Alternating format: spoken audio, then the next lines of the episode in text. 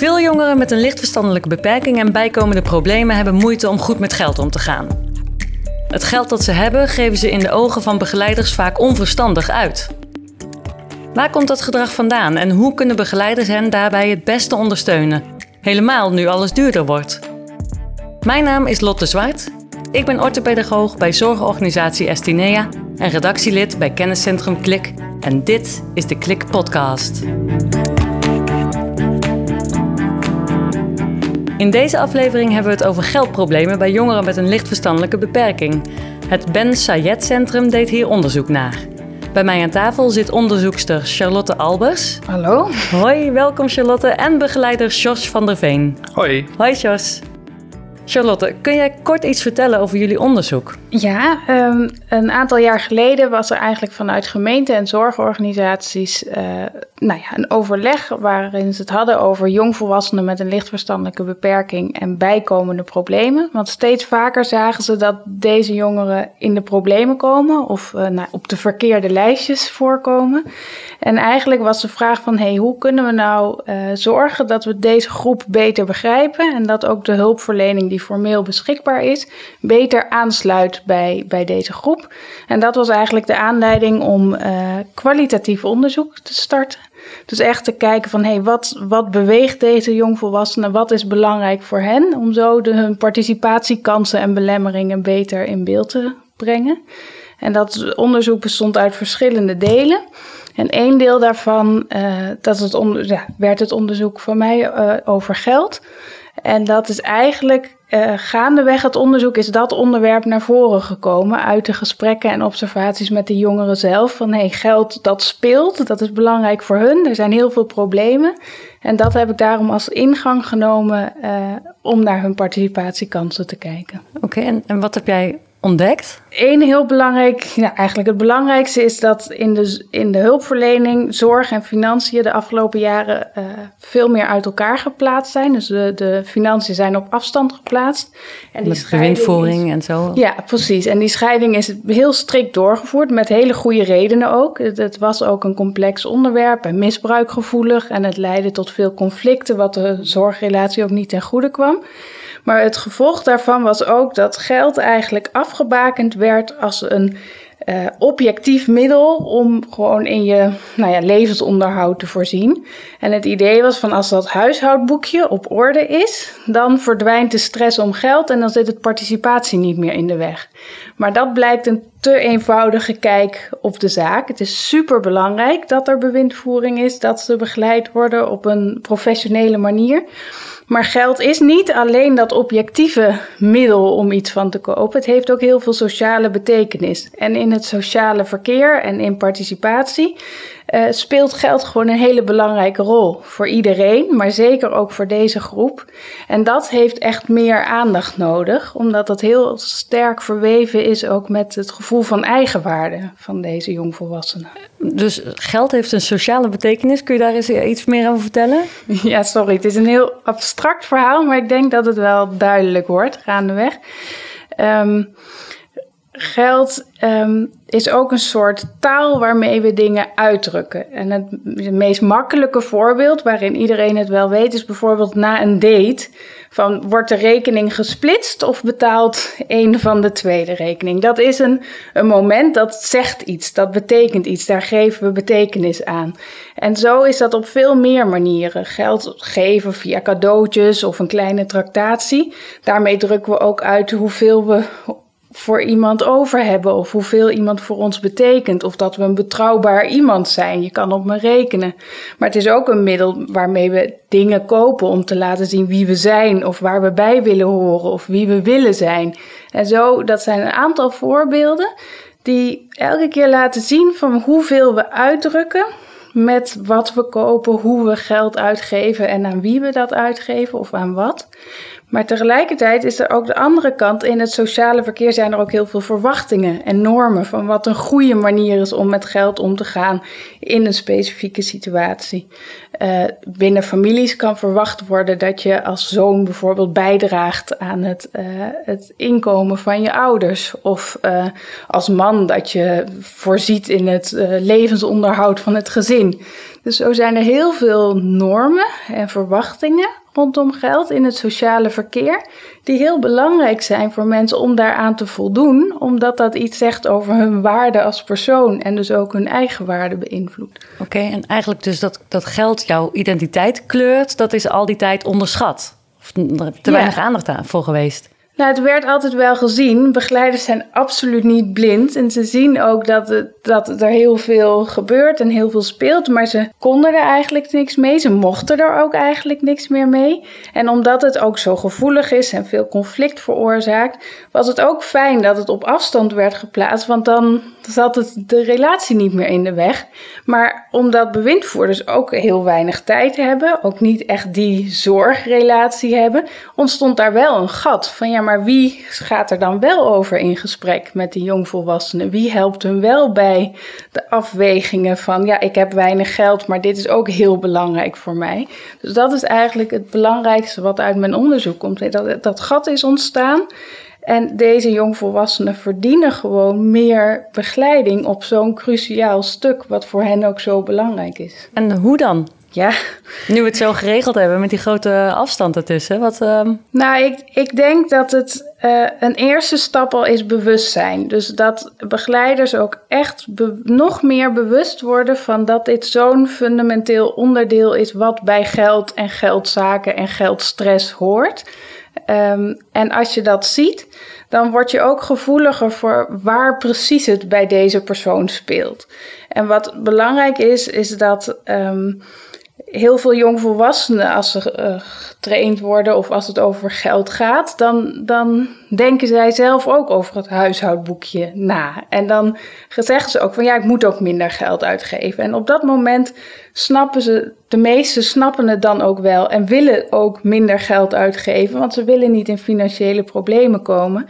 Waar het vaak misgaat, is op het moment zelf. Dus als je uit bent met vrienden, dat je dan niet onder wil doen voor een ander. Dus of ook een rondje wil geven. Of als je net, weet je, je bent met je moeder op stap en je wil zo graag haar ook uh, een keer trakteren. Of, nou, dus op onverwachte momenten wordt het lastig. En ik denk dat begeleiders, als ze daar meer bewust van zijn, daar ook ja, beter kunnen waarnemen. Waar zitten die moeilijke momenten voor mijn cliënt? En daar dan toch het gesprek over aangaan. Jos, uh, jij werkt al een aantal jaren als begeleider van mensen met een lichtverstandelijke beperking bij Cordaan. En je houdt je onder meer bezig met het thema geld. Tegen welke problemen merk jij dat mensen die jij begeleidt aanlopen? Nou, eigenlijk zijn dat dezelfde problemen als alle mensen tegenaan kunnen lopen. Um, zeker jongeren. Uh, bij LVB'ers komt het misschien iets vaker voor. Uh, of eigenlijk wel zeker. Omdat ze moeite hebben met het overzicht bewaren.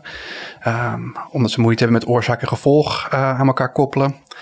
Um, Charlotte zei net iets waarbij ook um, iets wat je in de ene situatie geleerd hebben toepassen op een andere situatie is ook heel erg lastig. Dus wat je vooral ziet is dat er uh, te veel geld aan bepaalde dingen uitgegeven worden. En eigenlijk zijn dat dingen die heel veel jongeren uh, willen. Dat kan mooie kleding zijn, uh, lekker eten, drugs en alcohol, computerspelletjes. Alleen dan is het, komt het gewoon vaker voor dat ze te veel aan het ene uitgeven en niet genoeg meer overhouden voor de rest van de maand. Ja, dus ondoordacht eigenlijk. Maar ondoordacht suggereert bijna dat, dat ze er echt niet over nagedacht hebben. Ik denk dat ze vaak genoeg wel van tevoren over nagedacht hebben, alleen in het moment zelf, zoals Charlotte ook al zei, toch de verkeerde keuze maken. Of onder groepsdruk of wel vanuit een eigen behoefte. En dan niet overzien dat als je nu in de eerste week drie kwart van je geld uitgeeft, de rest, de andere drie weken van de maand wel heel erg uh, karig worden. Mm. En jij als begeleider, jij probeert ze daarin te begeleiden. Hè? Dus dat mensen met een lichtverstandelijke beperking juist daar ook beter over na gaan denken. Hoe doe je dat dan? Nou ja, dat proberen we. Het is best lastig. Um, uh, uiteraard ga je gesprekken aan. Er is net een, uh, eigenlijk net een hele periode geweest waarin uh, begeleiding en geld heel erg gescheiden werden. En misschien is het niet helemaal zo de bedoeling geweest, maar als begeleider ga je er ook een beetje mee. En is het ergens misschien ook wel makkelijk dat je niet over dat moeilijke onderwerp geld hoeft te praten. Dus ik denk dat het wel een beetje ondergesneeuwd is geraakt. Dus als e-, allereerst denk ik dat we erover in gesprek moeten gaan. En dat kan echt nog meer en beter. Ook door te kijken wat geld nou echt betekent en, en, en hoe dat in elkaar zit. Maar je kunt ook nog wel iets verder gaan. Alleen op dit moment is het een beetje onduidelijk waar precies de grens ligt. Um, Als begeleider mag je geen financiële adviezen geven. En wanneer het om iets als beleggingsadvies gaat, lijkt me dat duidelijk. Maar aan de andere kant, ehm, als je iemand adviseert om niet in de dure supermarkt, maar in iets, iets goedkopere je boodschappen te doen, is ook een financieel advies. Maar ik denk dat dat weer wel zou kunnen. Dus we zijn op dit moment een beetje zoekende naar wat we wel en niet kunnen. Omdat we eigenlijk onze handen ervan af hebben getrokken. Ja, dat was uh, eigenlijk wel beleid. En ik denk dat het, ook ergens wel makkelijk leek. In de praktijk blijf je tegen problemen aanlopen waar je eigenlijk daar niet meer mee om kan gaan. Want ik denk dat geld in ieder onderdeel van je leven een rol speelt. En dus bij iedere alle, alle andere onderdelen die je wil oplossen, loop je tegen het stukje geld aan waar je dan niet over gaat praten. En dan kun je het ook niet oplossen. Dus we komen er steeds meer achter dat we er toch wel iets mee moeten. Alleen wat dan precies en bij wie welke verantwoordelijkheden liggen, dat is nog wel een zoektocht. Ik denk zelf bijvoorbeeld dat we als begeleiders nog wel meer uh, een uh, soort uh, inkomsten-uitgaven balans kunnen maken met onze cliënt om met kleine rekensommetjes. alleen daar kun je snel aan doorschieten. Dat je dan toch weer grotere financiële adviezen gaat geven, wat dan, waar echt wel risico's aan zitten. Dus die, die balans zijn we met z'n allen aan het zoeken, denk ik nu. Dus wat je zegt is eigenlijk het inzichtelijk maken voor de ander. Ja. Uh, iemand helpen om uh, zijn geld op een goede manier uit te geven zonder, je, zonder op de stoel van de bewindvoerder te gaan zitten. Precies. Uh, jezelf wel verantwoordelijk voelen, ook al is het jouw verantwoordelijkheid niet. Mooi gezegd. Ja, je probeert een balans te vinden daarin. Ja, zeker. En, ik denk dat ik ook voor mijn collega's om me heen wel mag spreken, dat, dat we daar echt zoekende in zijn. Het, het moet samen met beleidsmakers. want uiteindelijk wordt er ook voor een gedeelte bepaald wat wij wel en niet mogen. En het is nu vrij vaag omgeschreven. Ik geloof ik zeg, financiële adviezen klinkt heel makkelijk, maar als je erop ingaat is het echt wel ingewikkelder. En ik denk dat, dat, dat we dat met z'n allen moeten gaan uitzoeken, wat, wat hoort waar. Ook als er bijvoorbeeld geen bewindvoerder is, hè, hoe, hoe gaan we dan toch op een verstandige manier met dit soort dingen om? Mm En uh, het, ja, het is een zoektocht. Want misschien dat hè, de mensen die jij begeleid, die geven ook wel hun geld uit aan dingen waar jij je geld niet aan uit zou geven. Hè? Dus er zit ook misschien nog wel een enorme waarde Zeker. Uh, achtergrond aan. En daar moet je ook heel voorzichtig mee zijn uiteindelijk vind ik namelijk wel dat iedereen het recht heeft om te leven hoe hij zou willen leven. Ook als ik het onverantwoord vind of onverstandig vind. Ja. En er zit natuurlijk ergens een grens. Uh, uh, als het echt gevaarlijk wordt, uh, zul je als begeleider wel weer iets daarmee moeten. Als het maar op zijn minst aan de alarmbellen gaan rinkelen. En in sommige gevallen mag iemand onverstandig leven. Dat is ook iemands recht, vind ik. Ja, want het is dus heel erg moeilijk om een balans te vinden nu voor jullie als begeleiders. Uh, wat neem jij mee uit het onderzoek van Charlotte? Um, ik denk dat het belangrijkste wat ik zelf meeneem is um, dat ik me iets meer gesterkt voel in uh, het idee dat um, er echt serieus nagedacht moet worden over wat begeleiders wel en niet met geld mogen. En het onderzoek van Charlotte benadrukt heel erg het belang van geld. Meer dan alleen maar je spulletjes kopen of je huishoudboekje, maar ook de hele symbolische en sociale waarde van geld. Ik merk zelf dat, dat ik denk dat je in de praktijk vaak tegenaan loopt, maar uh, ik had er zelf nog niet de woorden voor gevonden. Uh, om het ook duidelijk aan te geven dat, dat iets echt wel belangrijk is en dat er ergens aandacht voor moet zijn. Of waarom je toch wel met bepaalde financiële vraagstukken met de cliënt bezig bent. Mm -hmm. En nu heb je uh, meer een soort taal en woorden om, om, om dat ook uit te drukken en duidelijk te maken. Ja, want Charlotte, in het onderzoek wordt geld ook een soort taal genoemd. Wat bedoel je hiermee? Nou ja, dat is, ik zoek ook naar woorden om, om toch een abstract gegeven uh, concreet te maken. En een taal is dan een, een goede omdat het met taal druk je iets uit. Nou, dat doe je met geld ook. Met waar je je geld aan uitgeeft, uh, druk je ook dingen uit. Dus wie je wil zijn, waar je bij wil horen, uh, wie ertoe doet voor jou. Maar ook dat jij betrouwbaar bent voor een ander. Dat is vaak ook een belangrijk aspect van geld. Als je geld aan iemand geeft, laat je zien van hé, hey, ik ben er voor jou en je kunt op me rekenen. Dus je communiceert met geld. Ja, je communiceert met geld. Dus dat is één aspect waarom ik het een taal noem. Maar de andere kant ook, net zoals dat je taal goed en fout kan gebruiken. Of we hebben daar grammaticale regels. En daar kan je tot op zekere hoogte mee spelen. Niet iedereen is, nou ja, hanteert precies dezelfde regels. Maar er zijn regels. En er zijn ook, als je te ver afwijkt van die regels, wordt gezegd: hé, hey, dat kan niet. Of dat is slecht taalgebruik. Of dat is raar. Of, en dat is met geld ook. Als je van die normen of die uh, verwachtingen of die ongeschreven regels te veel afwijkt, dan heeft dat consequenties. Dan wordt er raar naar je gekeken. Of het voelt ongemakkelijk. Of mensen weten niet meer goed wat ze met de situatie aan moeten. En dat is ook een aspect waarom ik het taal noem, omdat de te benadrukken. Van er zijn regels. Je kunt niet alles maken in het sociale verkeer en geld. Het is eigenlijk een hele culturele lading wat je met, met geld. Uh... Ja, ja, eigenlijk heb ik het niet eens zozeer over geld, maar alles wat daarachter zit. Dus de, de, de zachte kant van geld. Ja, ja. Uit het onderzoek blijkt dat achter de geldproblemen vaak hele basale behoeftes zitten, zoals erbij horen, iemand zijn en iets doen voor anderen.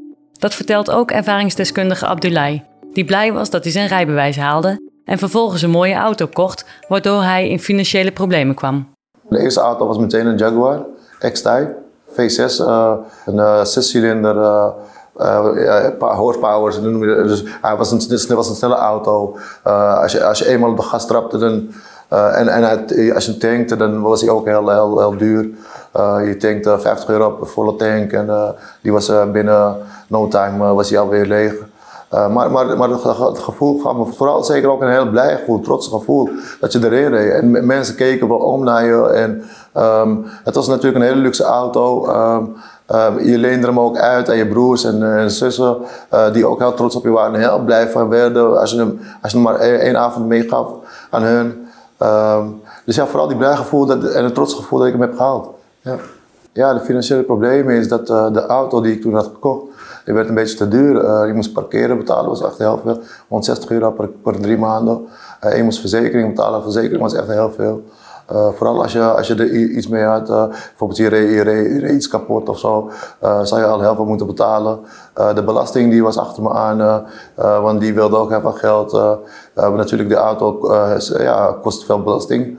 Um, en verzekering noemde ik net. en het het werd gewoon te duur. Ik kwam niet meer rond.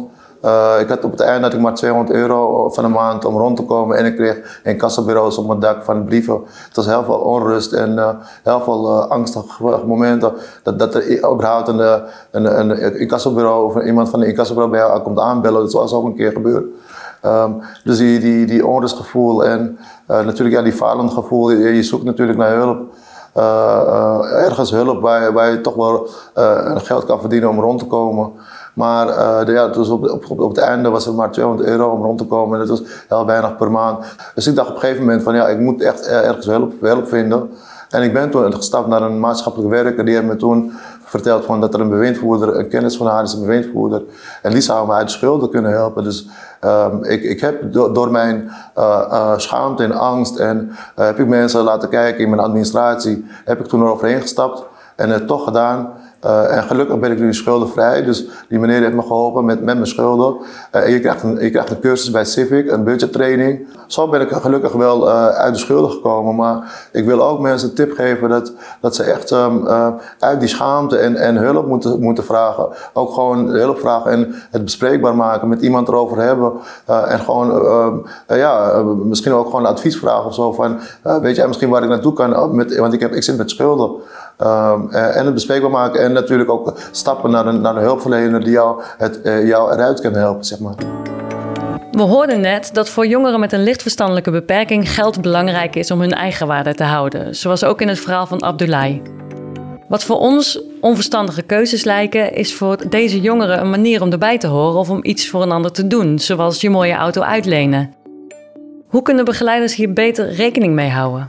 Charlotte? Nou, ik denk dat één heel belangrijk ding, en daar begint alles mee, dat is dus die bewustwording. En ook echt het besef van hoe belangrijk geld is en hoe dicht dat zit op een gevoel van eigenwaarde. Want als je dat beseft als begeleider, dan snap je ook dat het niet weggaat, uh, het probleem en de stress om geld, als, als je het bij een bewindvoerder onderbrengt. Dat dat dus niet het hele verhaal is. Want ook dan, als, het, als ze niet bij hun geld kunnen en het dus keurig beheerd wordt, ook dan komen deze jongvolwassenen continu situaties tegen waarin ze willen voldoen aan de sociale verwachtingen, waarin ze zich uit willen drukken met geld, waarin ze mee willen doen en er toe willen doen. En daarin ontstaat vaak de stress en de problemen. Dus als begeleiders echt beseffen dat het niet iets puberaals is uh, dat je graag die, die dure kleren draagt. Of dat het iets, uh, een luxe probleem is dat je per se die iPhone hupplepup wil, nummer zoveel. En niet genoegen neemt met een, uh, een eenvoudiger mobieltje. Wat het natuurlijk een veel rationelere keuze zijn. Zeker gezien het krappe budget wat deze jongvolwassenen hebben. Maar dat, daar, daar zit meer achter dan dat het alleen maar onverstandige keuzes zijn. Er zit een, een bepaalde rationaliteit achter. En dat is die, of een bepaalde logica. En dat is de logica van gezien willen worden, ertoe doen en uh, mee willen doen, mee willen tellen. En dat is zo'n fundamentele, basale behoefte, die gaat niet weg die gaat ook niet weg als je merkt: hé, hey, het geeft toch wel rust dat ik geen schulden meer heb en geen deurwaarders meer voor mijn, voor mijn deur. Dat is een ontzettende winst en een enorme stap vooruit. Daar wil ik niks aan afdoen. Maar het is niet het hele verhaal. Want dat, die link met eigenwaarde en geld en, en de krapte van het budget en ook al een gevoel vaak van hé, hey, ik doe niet automatisch mee, ik word niet automatisch gezien, ik, ik ja, doe er niet automatisch toe. Dat maakt het eigenlijk voor deze groep extra complex. Dat ze en een krap budget hebben en al over veel minder automatische bronnen van eigenwaarde beschikken. En dat besef, daar begint het mee. Want als je dat die houding kunt hebben en echt ziet, hé, hey, maar ik snap dat het voor jou zo belangrijk is en daar doe ik niks aan af. Dat is een totaal ander startpunt als je het over geld gaat hebben, dan wanneer je het vanuit het huishoudboekje bekijkt van ja, maar je weet toch dat je niet meer uit kan geven dan dat er is. En het is allebei volledig legitiem, maar het doet wel iets in hoe je een gesprek aangaat. Ja, want daarmee gooi je eigenlijk de deur dicht voor dat emotionele aspect. Ja. En ze voelen van ja, ze gaan weer zeggen wat ik moet doen en niet moet doen. En ze weten het eigenlijk ook, maar zij kunnen ook niet uitleggen dat het in die situaties toch misgaat. En dat voelt dan ook weer, er zit ook weer schaamte op van ja, dat is dom, want ik weet wel beter eigenlijk.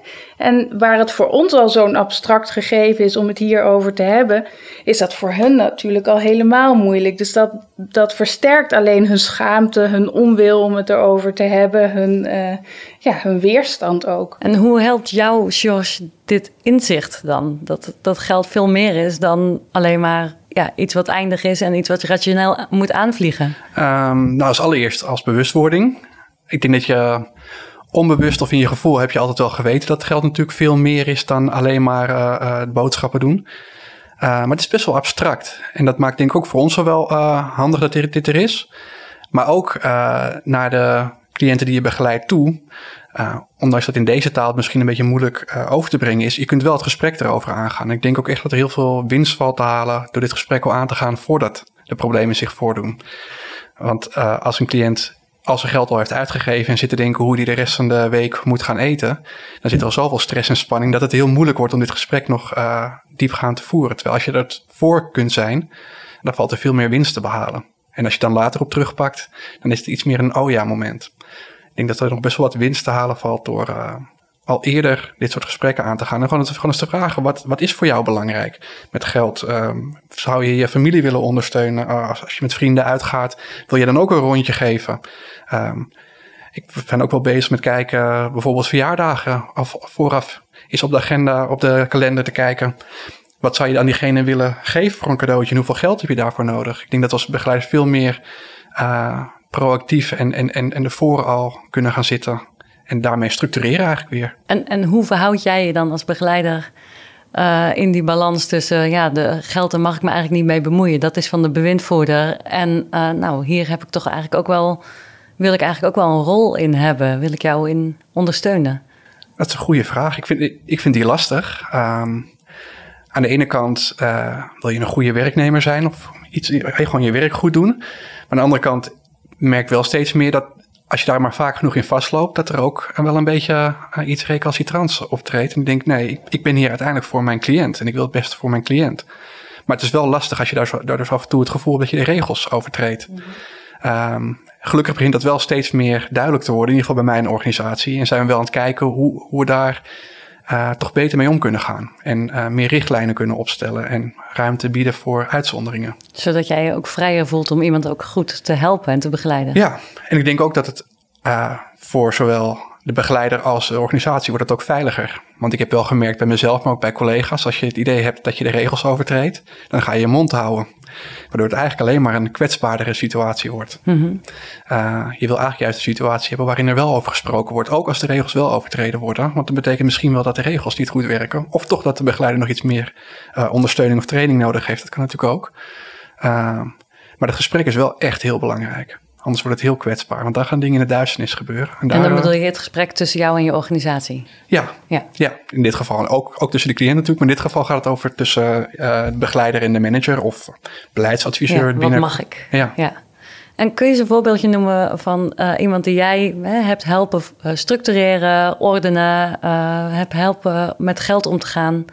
Ja, waarin je eigenlijk een stapje hebt gezet voor diegene? Dat laatste weet ik niet zeker. Ik heb hem een tijd begeleid, maar ik weet niet hoe het nu met diegene gaat. Maar uh, ik heb wel geprobeerd om inderdaad, uh, het ging dan niet eens om maandgeld, want dat was echt wel te lastig, maar uh, per week. En dan, en dan ga je samen met de cliënt, nou, hoeveel geld heb je dan nodig? Hoe vaak wil je boodschappen doen? Voor hoeveel dagen wil je dan boodschappen? En dat helemaal tot hele kleine stapjes ga je dat terugbrengen. En dat is in ieder geval een tijdje wel goed gegaan. Dat hij toch voor de hele week eten had en niet de laatste paar dagen, nou ja, met heel weinig of niks moest doen. En dat hij ook nog geld had om zijn identiteit vorm te geven, hè? zoals Charlotte dat zegt. Ja, daar, daar, daar, zijn ze. Tenminste, in dit geval ging het om uh, uh, cannabisgebruik. Daar was hij heel vrij duidelijk in dat dat belangrijk voor hem was. Ehm, dus daar, wel, ja, daar, daar, kun je als begeleider van alles van vinden, maar in Nederland mag dat. dus je kunt alleen maar het gesprek erover aangaan en bedenken hoeveel geef je eraan uit. En je probeert het ook een beetje inzichtelijk te maken hoe duur het eigenlijk is. En, en, en nou ja, je, kunt dat ook meteen weer aangrijpen om toch het gesprek over het gebruik aan te gaan. En of die misschien verstandig is om iets minder te blowen. Maar uh, dat, dat was niet echt gelukt. Maar het gesprek voeren trouwens wel. Maar hij is niet minder gaan blowen. Maar uh, ja, het, het blijft kwetsbaar. Nou, wat ik wel mooi vind, is dat je het ook weer hierin, hè, dat mag gewoon in Nederland. Dus wie ben ik om er eigenlijk uh, iets van te vinden? Dus ik, ik, help je wel met ja, of je aan het eind van de week nog uh, voldoende middelen hebt. Ja. En dan bedoel ik geld. Ja, nou ja of, of, of, wiet of hash, wat, wat, iemand ook maar rookt. Ja. ja. dat is ook een proces wat je zelf doormaakt. Wat ik in ieder geval heb doorgemaakt. Uh, het is niet altijd makkelijk gegaan. Uh, maar ik probeer wel uh, mensen te laten zijn wie ze zijn. Al het mooie en, en minder mooie. mag allemaal.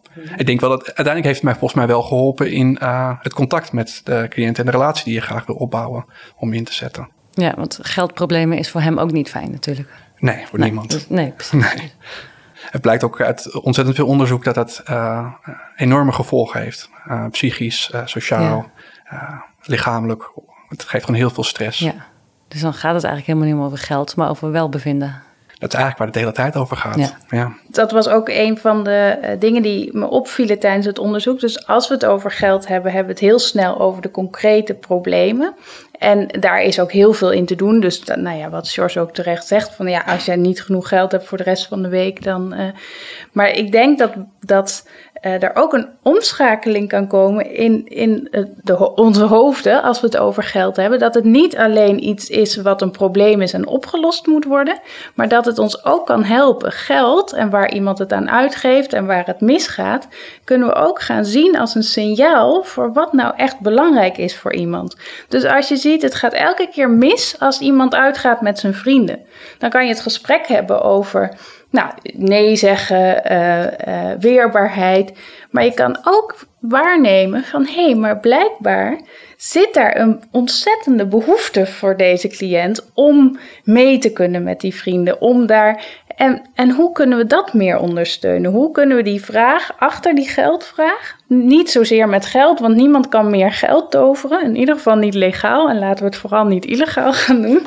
Uh, maar hoe kunnen we die vraag daarachter op een andere manier uh, daaraan tegemoet komen? Dus hoe kunnen we iemand meer begeleiden in contacten aangaan, in, in gezien worden? In, uh, en ik denk dat uh, waar we nu nog steeds geneigd zijn om te gaan, oeh, dat is moeilijk, dat is lastig en het, het is, ja, we kunnen het ook eigenlijk niet oplossen, want er is altijd te weinig.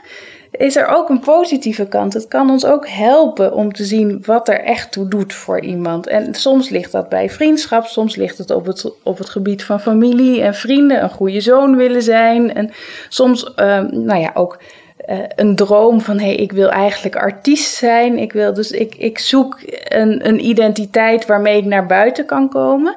En begeleiders zijn eigenlijk zo goed vaak in creatieve oplossingen vinden voor uh, heel veel problemen. En, en samen met de cliënt zoeken van hé, hey, wat is er wel mogelijk? Maar als het over geld gaat, dan zie ik ook vaak die creativiteit uh, weg ja. gaan of zo. Terwijl ik denk, ja, maar die, als je die twee dingen bij elkaar brengt, dan is geld eigenlijk een richtingaanwijzer van hé, hey, kijk, dit doet er echt toe. En de creativiteit en de welwillendheid en de oplossingen zoeken, die capaciteit hebben begeleiders al. Het hoeft alleen maar even bij elkaar gebracht te worden. Dus als het ons lukt om geldproblemen te zien als een symptoom en niet als een probleem op zichzelf, ja, ja en, en dus ook echt als een soort richting aanwijzen van kijk, dit is belangrijk voor mij, daar waar het elke keer misgaat.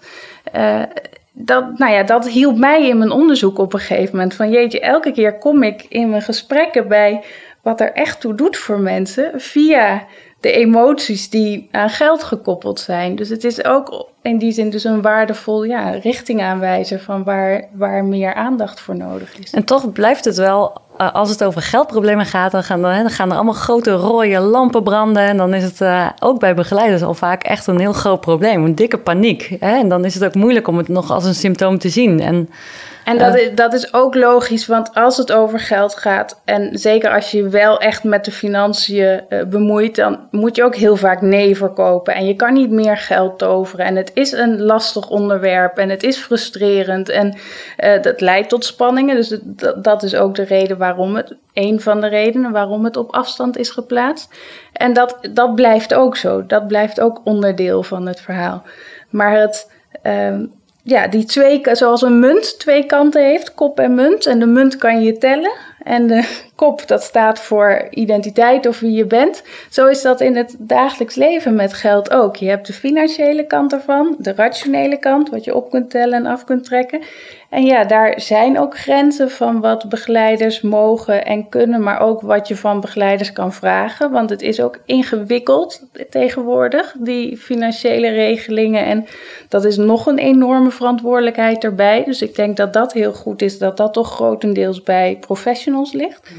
Maar die andere kant, dus de kopkant, de, de persoonlijke kant van geld, ik denk dat daar begeleiders veel meer te bieden hebben dan welke financieel professional dan ook.